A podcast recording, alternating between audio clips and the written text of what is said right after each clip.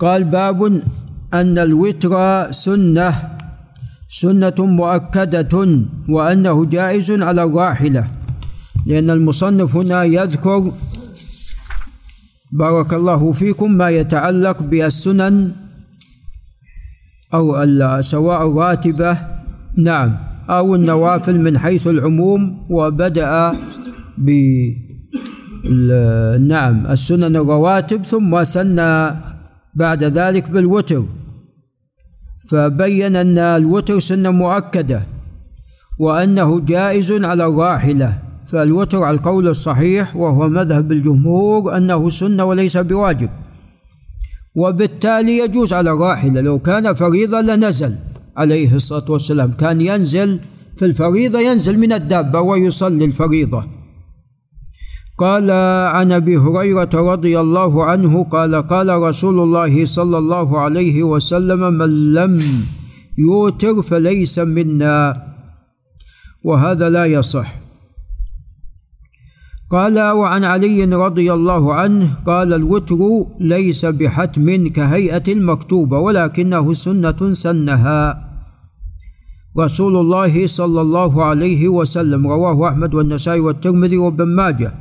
ولفظه إن الوتر ليس بحتم ولا كصلاتكم المكتوبة ولكن رسول الله صلى الله عليه وسلم أوتر وقال يا أهل القرآن أوتروا فإن الله وتر يحب الوتر.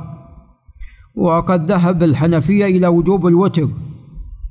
وذهب بعض أهل العلم كابن كابن العباس بن تيمية إلى أن الوتر واجب على أهل القرآن. لهذا الحديث لهذا الحديث. وأما الجمهور فإنهم ذهبوا إلى أنه سنة وليس بواجب.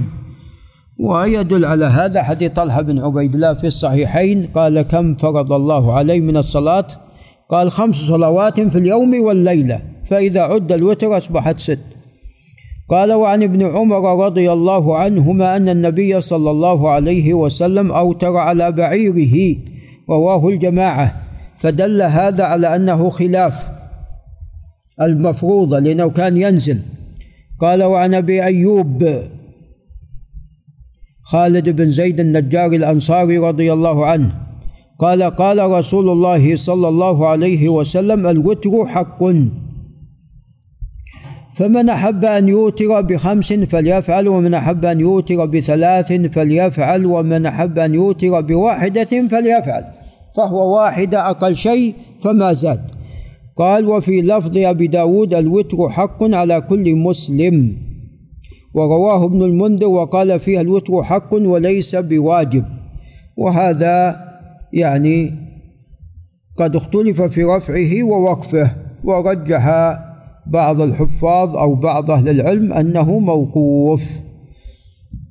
على أبي أيوب؟ ولعل نقف عند هنا. هذا وبالله تعالى التوفيق. آمين.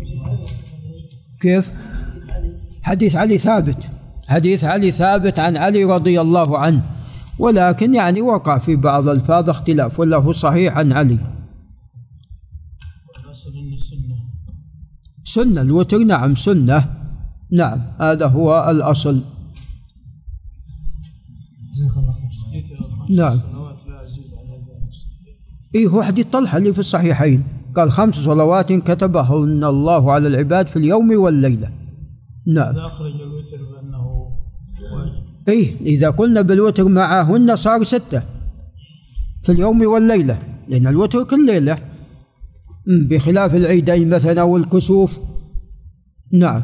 ليس صلاة